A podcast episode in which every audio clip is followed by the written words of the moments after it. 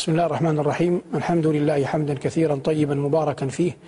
والصلاة والسلام على من أتم الله به الرسالات وختم الله به النبوات. أما بعد أيها المباركون فهذا لقاء متجدد مبارك من برنامجكم روح المعاني.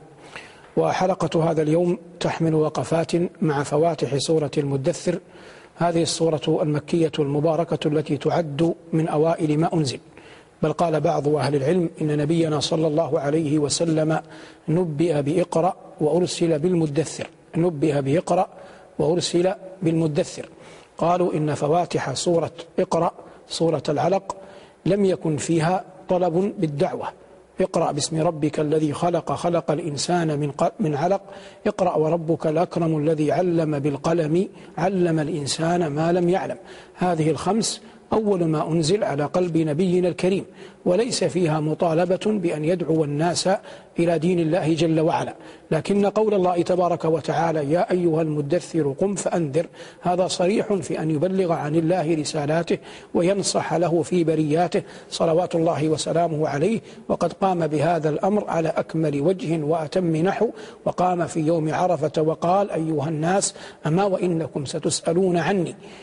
فما أنتم قائلون؟ فقالوا نشهد أنك بلغت الرسالة وأديت الأمانة ونصحت الأمة. فجعل يرفع إصبعه ويديه الطاهرة الشريفة إلى السماء وينكتها إلى الأرض ويقول اللهم ألا هل بلغت؟ اللهم فاشهد. ألا هل بلغت؟ اللهم فاشهد. ونحن نشهد أن نبينا صلى الله عليه وسلم بلغ الرسالة وأدى الأمانة فجزاه الله بأفضل ما جزى به نبيا عن أمته. نزدرف الآن إلى الآيات التي بين أيدينا من فواتح سورة المدثر قال ربنا الكريم لنبيه وخليله وحبيبه عليه الصلاة والسلام يا أيها المدثر متى يقال للمرء مدثر؟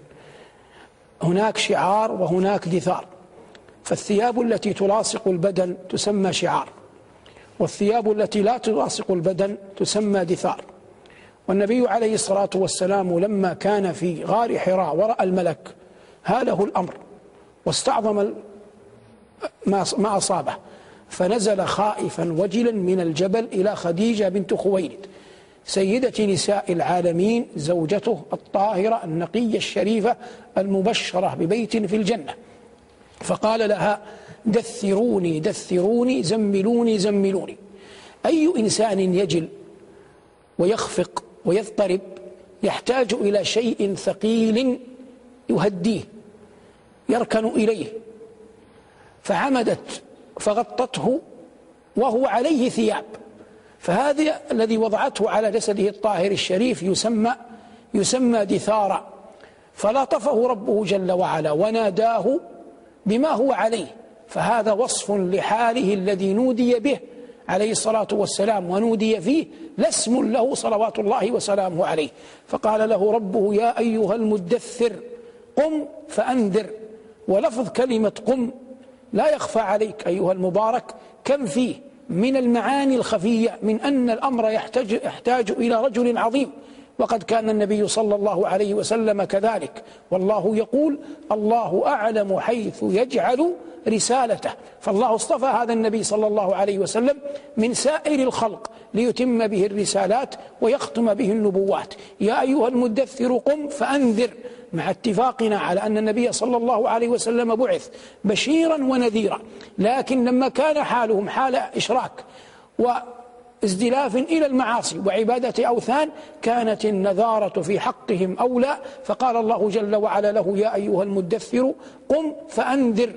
ثم بين له أن مقام النبوة يحتاج إلى مقامات حسان إلى أوصاف جليلة إلى مناقب عظيمة. فبينه جل وعلا له بينها جل وعلا له أي لنبيه. فقال له يا أيها المدثر قم فأنذر. وبدأ بالأعظم فالأعظم. فقال له وربك فكبر. وتكبير الله جل وعلا كما يقال لفظا الله أكبر يقال معنى في القلب في أن الإنسان يعلم أنه لا أحد أعظم من الله.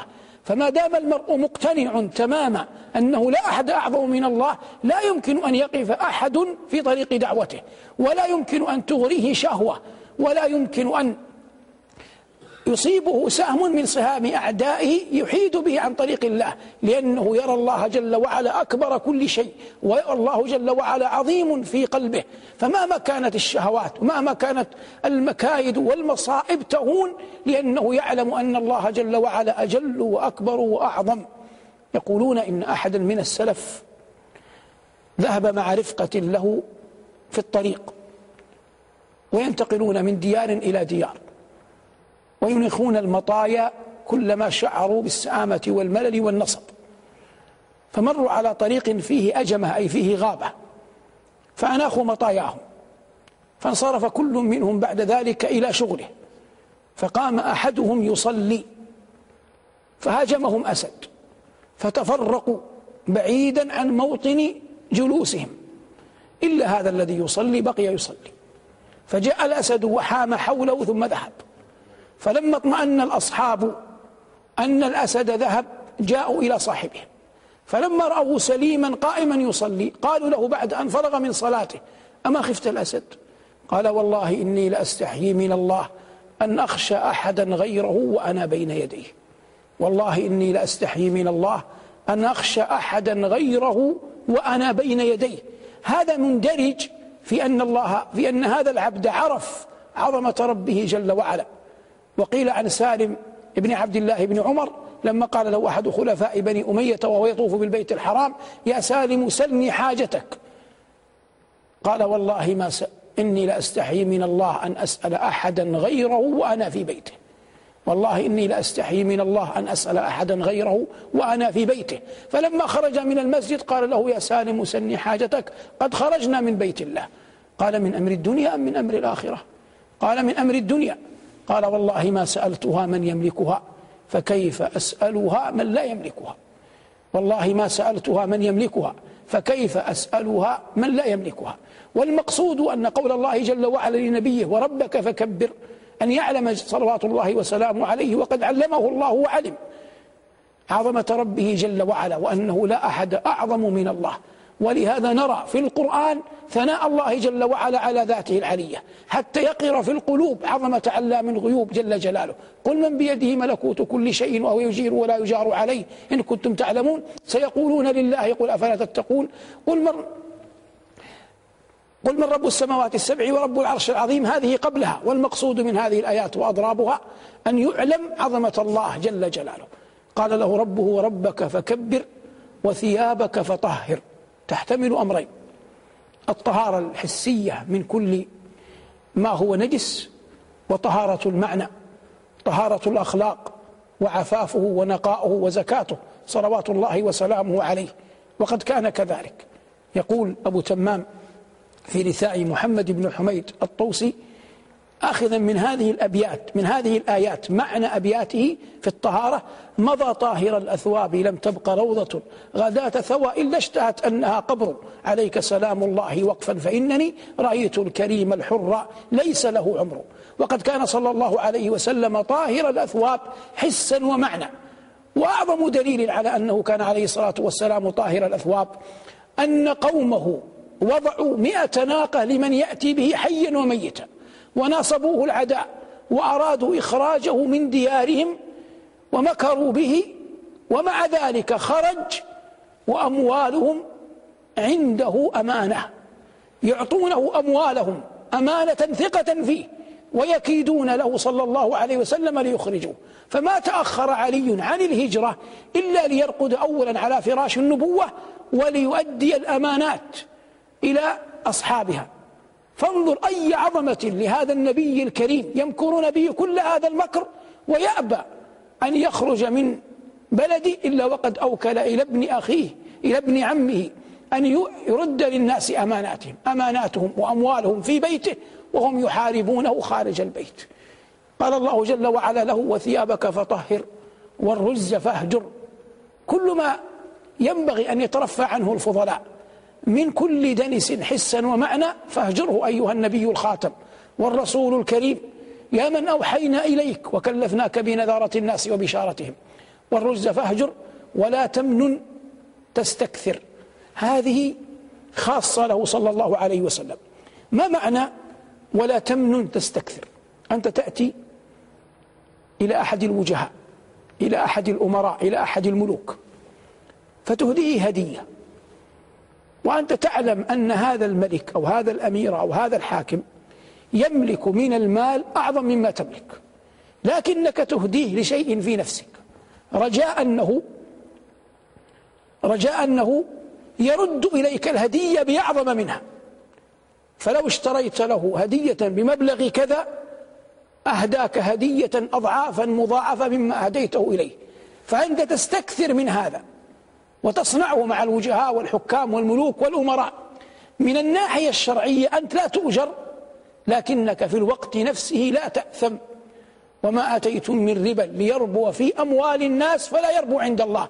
هذه بصورة الروم وصورة الروم مكية ولم يكن بعد قد نزل تحريم الربا.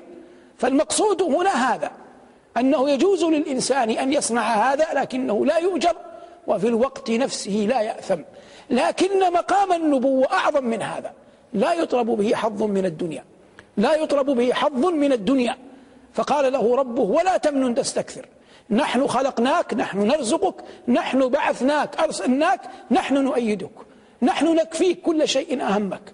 نحن نعينك على كل شيء. لا نسألك رزقا نحن نرزقك والعاقبة للتقوى. هذا من معاني قول الله جل وعلا ولا تمنن تستكثر وهذا خاص له صلوات الله وسلامه عليه. ثم قال الله له ولربك فاصبر لأن الصبر قد يكون لغير الله يصبر الإنسان ليحمد ليذكر بخير. وقد يصنع هذا قد يصنع الرجل صنيعا يصبر عليه حتى تذكر محاسنه عند من يحبهم عند من يعشقهم لعله يوما يأتي فيطرق بابهم. ويهتز للمعروف في طلب الندى لتحمد يوما عند ليلى مناقبه. فهذا من جنس هذا. لكن فرق من بين من يصبر لغير الله ومن يصبر لله جل وعلا. الصبر لغير الله يحمد عند الناس وينتهي حمدهم. والصبر لله لا ينتهي أجره. إنما يوفى الصابرون أجرهم بغير إنما يوفى الصابرون أجرهم بغير حساب. فقال الله جل وعلا لنبيه ولربك فاصبر. وقد صبر صلى الله عليه وسلم. صبر على أذى قومه وصبر على عبادة ربه وصبر على ما ابتلي به صلى الله عليه وسلم في نفسه من فقد ولده وترك دياره وأهله. كل ذلك ابتغاء مرضات الله جل وعلا. فاستحق أن ينال الدرجة الرفيعة والوسيلة. لما ذكر الوسيلة قال وهي درجة في الجنة لا ينبغي أن تكون إلا لعبد صالح. أي أنها لا يمكن أن يتنازعها اثنان. وأرجو أن أكون أنا هو. فإذا سمعتم المؤذن فقولوا مثل ما يقول ثم صلوا علي ثم سلوا الله لي الوسيلة. صلوات الله وسلامه عليه. فقال له ربه هنا ولربك فاصبر. ثم ذكر له شيئا من أهوال اليوم الآخر فإذا نقر في الناقور أي الصور. فذلك يوم عسير على الكافرين غير يسير. قوله جل وعلا فذلك يوم عسير هذا وصف لليوم وأهواله. على الكافرين غير يسير هذا خاص بحال الكافر وقت أن يقوم الأشهاد ويحشر العباد. ليس المقصود تكرار الأمر. فهو يوم عسير أي في أهواله. يراه كل أحد أنه عسير. لكن يكون غير ميسرا على الكافر غير ميسر على الكافر وميسر على المؤمن. حتى إن المؤمنين لا يحاسبون ضحى ويقيلون في الجنة قبل أن ينتهي ذلك اليوم. من رحمة الله جل وعلا بأولياء الصالحين وعباده المقربين. فذلك يوم عسير على الكافرين غير يسير. ثم ذكر الله جل وعلا أحد من ناوى النبي عليه الصلاة والسلام وهو الوليد بن المغيرة وهو من بني مخزوم. وبنو مخزوم منهم خالد بن الوليد ومنهم عمرو بن هشام المعروف بأبي جهل ومنهم غير ذلك. وهم بطن رفيع في قريش. وكان بنو هاشم ينكحون كثيرا من بني مخزوم. والوليد بن المغيرة كان سيدا في قريش قبل النبي صلى الله عليه وسلم أن يبعث وكان قد أسن. وقد مر معنا أنه هو الذي بدأ بنقض أحجار الكعبة لما عزمت قريش على هدمها على هدمها. فلما رأت قريش أن شيئا لم يصبه أخذوا يهدمون البيت بعده. قال الله جل وعلا هنا ذرني ومن خلقت وحيدا. ومن خلقت وحيدا كلمة وحيدا هذه يصح أن تكون حال حال من من؟ من الفاعل أو من المفعول. فإذا قلنا حال من المفعول يصبح المعنى خلقته وحيدا لا أحد له. ثم مننت عليه وأعطيته. أو تكون خلقت وحيدا أي أنا خلقته لوحدي.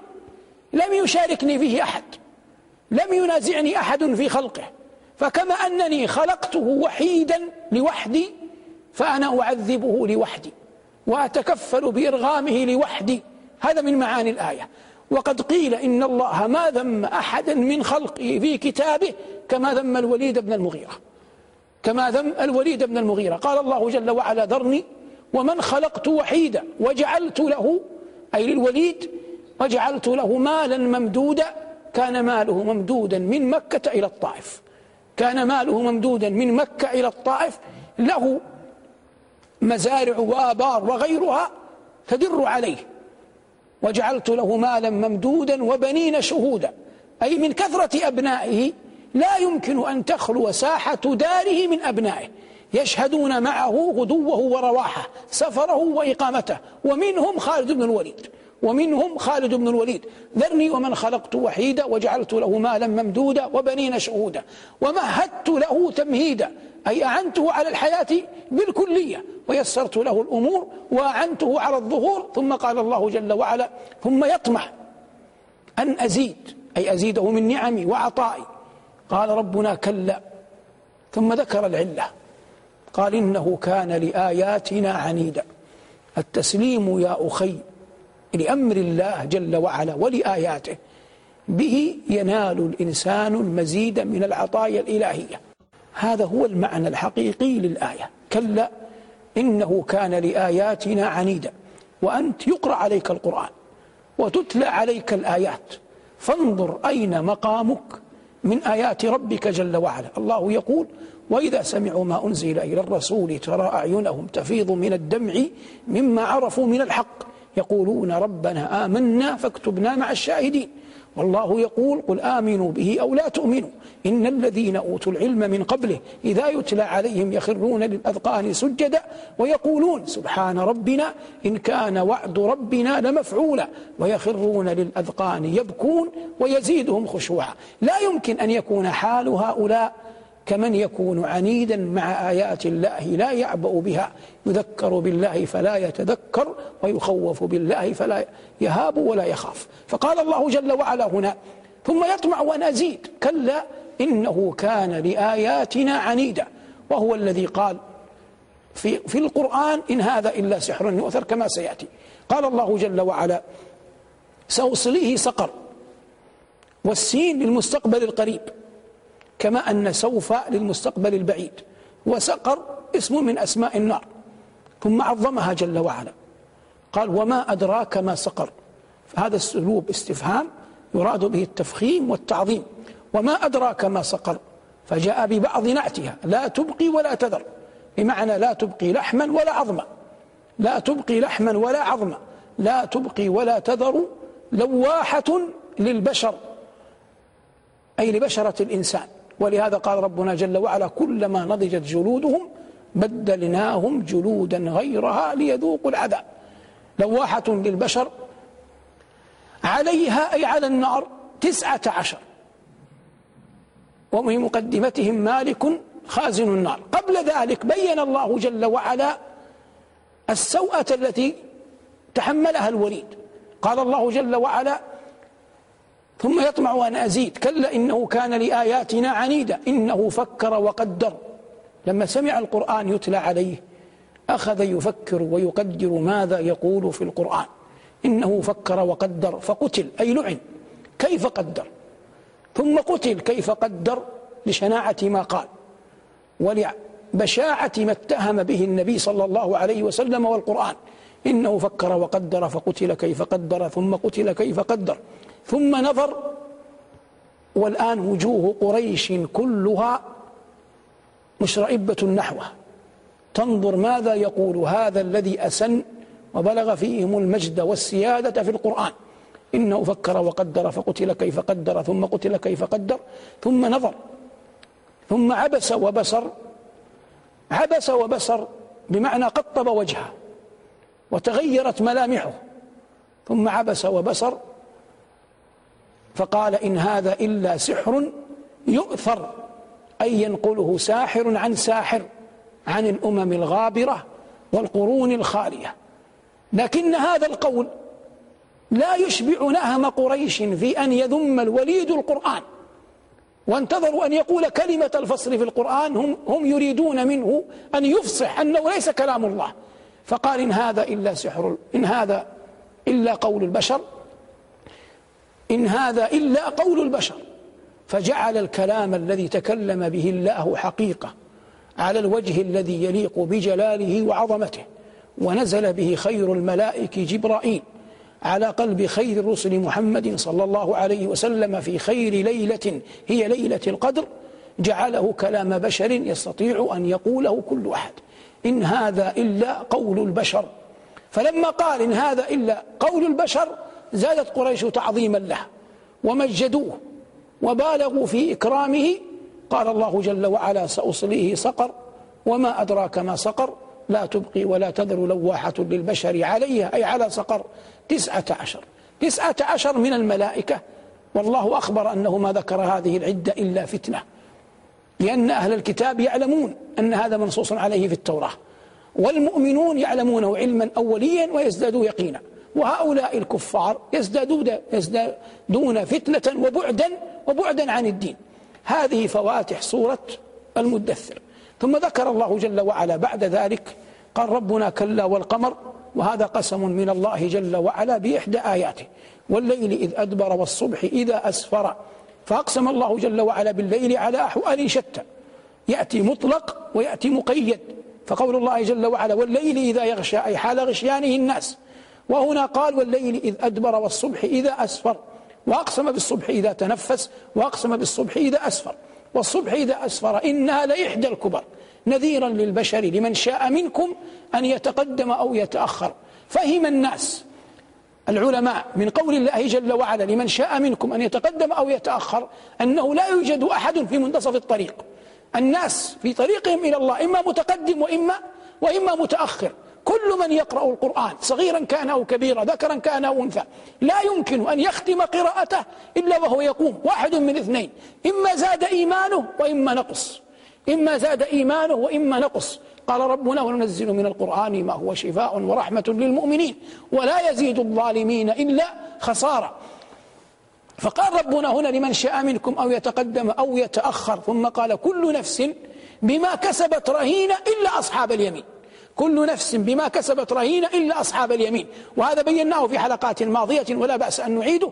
معنى الآية أن الناس المكلف أن الناس المكلف المكلفين إما أن يكون قد ارتهن عملا صالحا أو ارتهن عملا سيئا. أما من كان من أصحاب اليمين هنا هم من مات دون البلوغ من أبناء المسلمين فهؤلاء لا يجري عليهم قلم التكليف. فهؤلاء محفوظون على أنهم من أصحاب اليمين يدخلون الجنة في كفالة أبيهم إبراهيم عليه السلام فلا يجري عليهم قلم التكليف ولا يرتقون إلى منزلة المقربين يبقون في أصحاب اليمين. كل نفس بما كسبت رهينة إلا أصحاب اليمين لأنه لم يجري عليهم قلم التكليف. وقد مضت السنن أن الإنسان يلحق بأبيه دينا وبأمه حرية أو أو عبودية.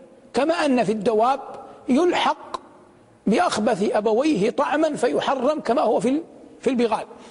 نعود للآية. كل نفس بما كسبت رهينة إلا أصحاب اليمين في جنات يتساءلون. من الذي يتساءلون؟ أولئك الصبية الذين ماتوا دون البلوغ. يتساءلون عن المجرمين ما سلككم في سقر. قالوا أي المجرمون؟ يجيبونهم. لم نك من المصلين. لا يمكن. فقها ودليلا. يفهم من الآية أن تارك الصلاة مخلد في النار لأن الآية لم تنتهي عند هذا الحد. لم نك من المصلين ولم نك نطعم المسكين وكنا نخوض مع الخائضين وإلى الآن لم تذكر العلة المشتركة في الخلود. وكنا نكذب بيوم الدين هذا هو الكفر. حتى أتانا اليقين لأن الله جل وعلا ذكر هذه الآيات في مواطن كثيرة من كلامه العظيم. في كل مرة يجتز شيء. إلا الكفر البواح يبقى ثابتا. أرأيت الذي يكذب بالدين فذلك الذي يدع اليتيم ولا يحض على طعام المسكين. فذكر الذي يكذب بالدين. وهذا ظاهر في القرآن كثيرا. وأصحاب الشمال ما أصحاب الشمال في سموم وحميم وظل من يحموم. لا بارد ولا كريم إنهم كانوا قبل ذلك مترفين وكانوا يصرون على الحنث العظيم. وهو التكذيب بالدين. فقال الله جل وعلا هنا ما سلككم في سقر؟ قالوا لم نكن من المصلين ولم نكن نطعم المسكين وكنا نخوض مع الخائضين وكنا نكذب بيوم الدين والتكذيب بيوم الدين كفر لأن أركان الإيمان الست. من أنكر واحدة منها كفر؟ قال أخبرني عن الإيمان. قال أن تؤمن بالله وملائكته وكتبه ورسله وباليوم الآخر وبالقدر خيره وشره. فهذه أركان الإيمان الست. قال هنا وكنا نكذب بيوم الدين حتى أتانا اليقين. قال ربنا فما تنفعهم شفاعة الشافعين. ما تنفعهم على أي حال. لا تنفعهم نفعا كليا في أن يخرجوا من النار. فمن كتب الله عليه أن يخلد في النار سيق ومات على الشرك سيخلد في النار لا محالة. لكن نفع جزئي هذا خاص بالنبي صلى الله عليه وسلم؟ في شفاعته صلوات الله وسلامه عليه لعمه أبي طالب. فما تنفعهم شفاعة الشافعين؟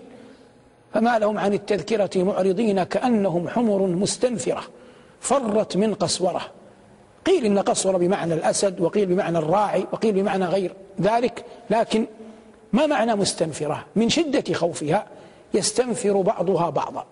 من شدة خوفها يستنفر بعضها بعضا. فجاءت على اسم صيغة اسم الفاعل لا على صيغة اسم المفعول. جاءت على صيغة اسم الفاعل لا على صيغة اسم المفعول. فهي من شدة خوفها يستنفر بعضها بعضا. وكذلك كفار قريش إنما يحث بعضهم بعضا على أن يلمزوا رسولهم صلى الله عليه وسلم. كأنهم حمر مستنفرة فرت من قسورة. بل يريد كل امرئ منهم أن يؤتى صحفا منشرة أي بلغ من كبرهم وعنادهم وعتوهم أنهم لا يكتفون بمصحف واحد أو صحف واحدة تنزل عليهم كلهم بل يريد كل أحد منهم أن يؤتى كتابا لديه ولا يكتفي بأن يكون هذا الكتاب بين يديه بل يريده أن يكون منشورا وهذا يبين لك علوهم وعتوهم وكبرهم الذي صدوا به عن السبيل بل يريد كل امرئ منهم أن يؤتى صحفا منشرة ثم ذكر الله جل وعلا العلة الحقيقية في عنادهم قال كلا بل لا يخافون الآخرة. فيفهم منه أن من أراد الله به خيرا أورثه الخوف من الآخرة. من أراد الله به خيرا أورثه الخوف من الآخرة. يفهم هذا من آيتين. من هذه الآية في الترهيب ومن قوله ربنا تبارك وتعالى عن إبراهيم وعباده الصالحين قال إنا أخلصناهم بخالصة ذكر الدار أي جعلنا لهم منقبة وخالصة ميزناهم بها وثبتناهم عليها وهي تذكر الدار الآخرة. والله يقول إن في ذلك لآية لمن خاف عذاب الآخرة. ذلك يوم مجموع له الناس وذلك يوم مشهود. فقال ربنا هنا كلا بل لا يخافون الآخرة. كلا إنه تذكرة فمن شاء ذكره. ثم قال تبارك وتعالى وما تشاءون إلا أن يشاء الله. والله تبارك وتعالى بين أن الأمور كلها بيديه وأهل العلم يقولون إن مراتب القدر أربعة. لا يكون من شيء. الله جل وعلا علمه وكتبه وخلقه وشاءه. الله جل وعلا علمه وكتبه وخلقه وشاءه. فكل شيء موجود الله جل وعلا خالقه. وكل شيء موجود مكتوب عند الله في لوح محفوظ. وكل شيء موجود الله علم له علم به قبل أن يوجد. وكل شيء موجود أراد الله له كونا أن يوجد. فهذه مراتب القدر الأربعة. قال الله جل وعلا وما تشاءون إلا أن يشاء الله. هو أهل التقوى وأهل المغفرة. والمعنى أن الله جل وعلا أهل لأن يتقى ويخشى ويخاف. وهو جل وعلا مع أنه أهل لأن يتقى ويخشى ويخاف أهل لأن يغفر لمن استغفره ويتوب جل وعلا على من؟ على من يشاء. ولا ريب أن مغفرة الله جل وعلا عظيمة ورحمته تبارك وتعالى واسعة. فمن رزق التقوى والخوف من الله كان أهلا لأن يغفر الله جل وعلا له. وفي الحديث يا عبادي إنكم تخطئون بالليل والنهار وأنا أغفر الذنوب جميعا فاستغفروني أغفر لكم. يا عبادي إنكم تخطئون بالليل والنهار وأنا أغفر الذنوب جميعا فاستغفروني أغفر لكم. هذه أيها المباركون إجمال ما قصه ما أخبر الله جل وعلا به في كتابه العظيم عن سورة المدثر السورة المكية التي هي من أوائل ما أنزل وهي التي أرسل بها نبينا صلى الله عليه وسلم وقد مر معنا أنه نبي بيقرأ وأرسل بالمدثر صلوات الله وسلامه عليه.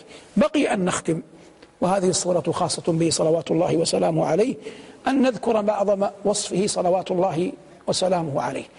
وذكرنا جما غفيرا من هيئته الخلقية في قول الله جل وعلا وربك فكبر وثيابك فطهر والرز فاهجر ولا تمنن تستكثر ولربك فاصبر بقي أن نختم بهيئته الخلقية صلوات الله وسلامه عليه. فقد كان نبينا عليه السلام سبط الشعر أي أن شعره لم يكن مسترسلا ولا ناعما. في جبينه عرق يدره الغضب. إذا غضب في ذات الله يمتلئ هذا العرق دما. أقنى الأنف أزج الحواجب من غير قرن. كبير الفم صلوات الله وسلامه عليه كث اللحية والشيب فيه ندرة شيب في صدغه الأيمن شيب في صدغه الأيسر وشيب متفرق في شعره وأكثر شيبه في عنفقته أسفل شفته السفلى صلوات الله وسلامه عليه. كأن عنقه إبريق فضة من وهدة نحره إلى صرته شعر ممتد على هيئة خيط ليس في بطنه ولا صدره صلوات الله وسلامه عليه شعر غيره. أي أنه عارش الصدر والبطن من سوى ذلك. بعيد ما بين المنكبين أي ما بين كتفيه من الخلف إلى جهة الشمال أقرب خاتم النبوة شعيرات سود اجتمعن بعضهن إلى بعض ناتية عن الجسد قليلة. سواء البطن والصدر صلوات الله وسلامه عليه. سواء البطن والصدر ضخم الكراديس أي عظام المفاصل. إذا أشار أشار بيده كلها وإذا تعجب من شيء قلب كفيه وقال سبحان الله وربما أحيانا عض على شفتيه صلوات الله وسلامه عليه. من رآه من بعيد هابه ومن خالطه أحبه.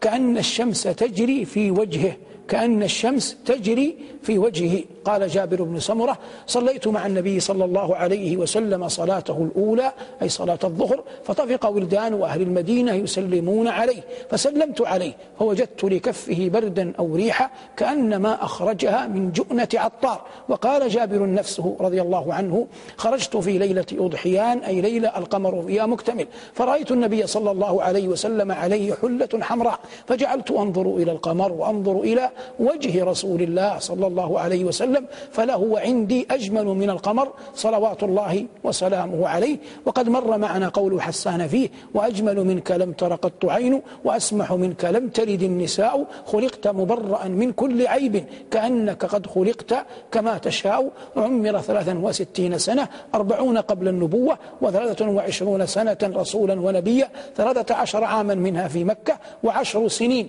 في المدينة صلوات الله وسلامه عليه.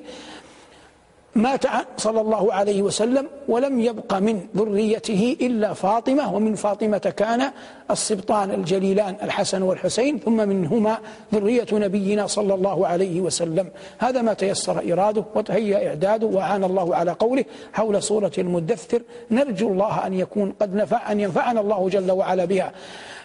واجعلها لنا علما ومتاعا إلى حين. هذا والعلم عند الله. وصلى الله على محمد وآله. والحمد لله رب العالمين. والسلام عليكم ورحمة الله وبركاته.